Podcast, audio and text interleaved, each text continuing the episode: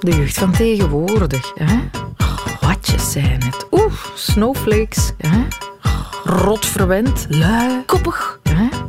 Zelfvoldaan. Oeh, en respectloos. U kent dat idee wel, hè, over onze jongste generaties. U heeft het misschien zelf al eens gedacht. Wel, u bent de eerste niet.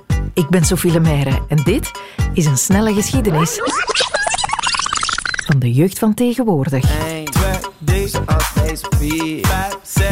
niet, de, niet deze jeugd van tegenwoordig. De jeugd van tegenwoordig. Met een paar woorden wegzetten als onberekenbaar, slap, tuig, van de richel. Dat doen we al. Al meer dan 2000 jaar. Amai, dat kwam rap. Inderdaad, ja. Patrick is dit, klassicus en auteur. Een hele geschiedenis beschrijven van mensen die vinden dat de jeugd bestaat uit niets dan lammelingen is totaal onmogelijk. Alleen al in de oudheid regent het misnoegdheid over de jongeren van toen. Een belangrijke tekst in dat verband dat ik meteen met de deur in huis mag vallen. Heel graag. Is van de grote filosoof Aristoteles. Heel invloedrijk. En hij heeft het erover van, kijk, als je een toespraak houdt als redenaar, moet je je richten tot je publiek en moet je je aanpassen aan de eigenschappen, de kenmerken van dat publiek.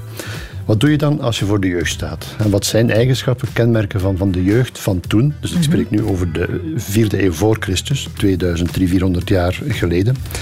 En zegt, jeugd is geneigd tot veranderlijk zijn, wispelturig zijn, is driftig, opvliegend, snel tekort gedaan, snel gebelgd, goedmoedig, lichtgelovig, eh, maar ook positief gehecht aan vrienden enzovoort. Dus hij brengt eigenlijk een genuanceerd beeld van, kijk, dit zijn kenmerken, eigenschappen van jonge mensen, 15, 30 jaar ongeveer. Minder genuanceerd klonk Plinius, nogthans ook de jongere genoemd. Hij schreef brieven, dus we kunnen zeggen, hij is hier wel zelf aan het woord. Het is niet dat hij een rol speelt of zo. En wat zegt hij?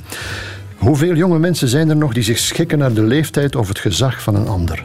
Onmiddellijk zijn ze zogezegd wijs, onmiddellijk weten ze alles. Voor niemand hebben ze respect. Ze volgen niemand en zijn hun eigen voorbeeld. Nog eentje? Quintilianus bijvoorbeeld, dat is weer een andere naam, eerste eeuw na Christus, heeft een heel dik boek geschreven over hoe je een goede redenaar moet worden. Nu zul je zeggen, wat heeft dat met dit thema te maken?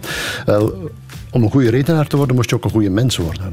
En uh, Quintilianus zei, als je kennis opdoet, als je maar genoeg kennis opdoet, word je ook een ethisch goede mens. En dat moest in de school gebeuren. Maar zegt hij, ja, er is tegenwoordig zoveel luxe in ons leven. En kinderen worden zo verwend, zijn zo aan niks meer gewoon dat ze tegengesproken worden, dat het eigenlijk een onbegonnen werk is. Als het in die eerste jaren, zegt hij, fout loopt, door de ouders dan. Dan zijn ze simpelweg onredbaar. Niks aan te doen. Gelukkig had je ook toen net als vandaag, andere stemmen die het al wel eens durfden opnemen voor de jonge garde. Bijvoorbeeld Cicero, de grote redenaar. In een van zijn redenvoeringen, ik moet wel zeggen, hij spreekt dan als advocaat en hij verdedigt een jonge gast die zich misdragen heeft. Mhm. En in die redenvoering, dus in die context, zegt Cicero: Ja, kijk, uh, zolang ze maar niks onherroepelijks doen voor zichzelf of voor hun naasten, uh, laat ze begaan. Laat ze hun fouten maken, ze leren eruit en het zal wel overgaan. Dus zo herkenbaar, hè? Zo herkenbaar, enorm. De jeugd van tegenwoordig van vroeger was al net zo jeugd van tegenwoordig als de jeugd van tegenwoordig van tegenwoordig. Simpel.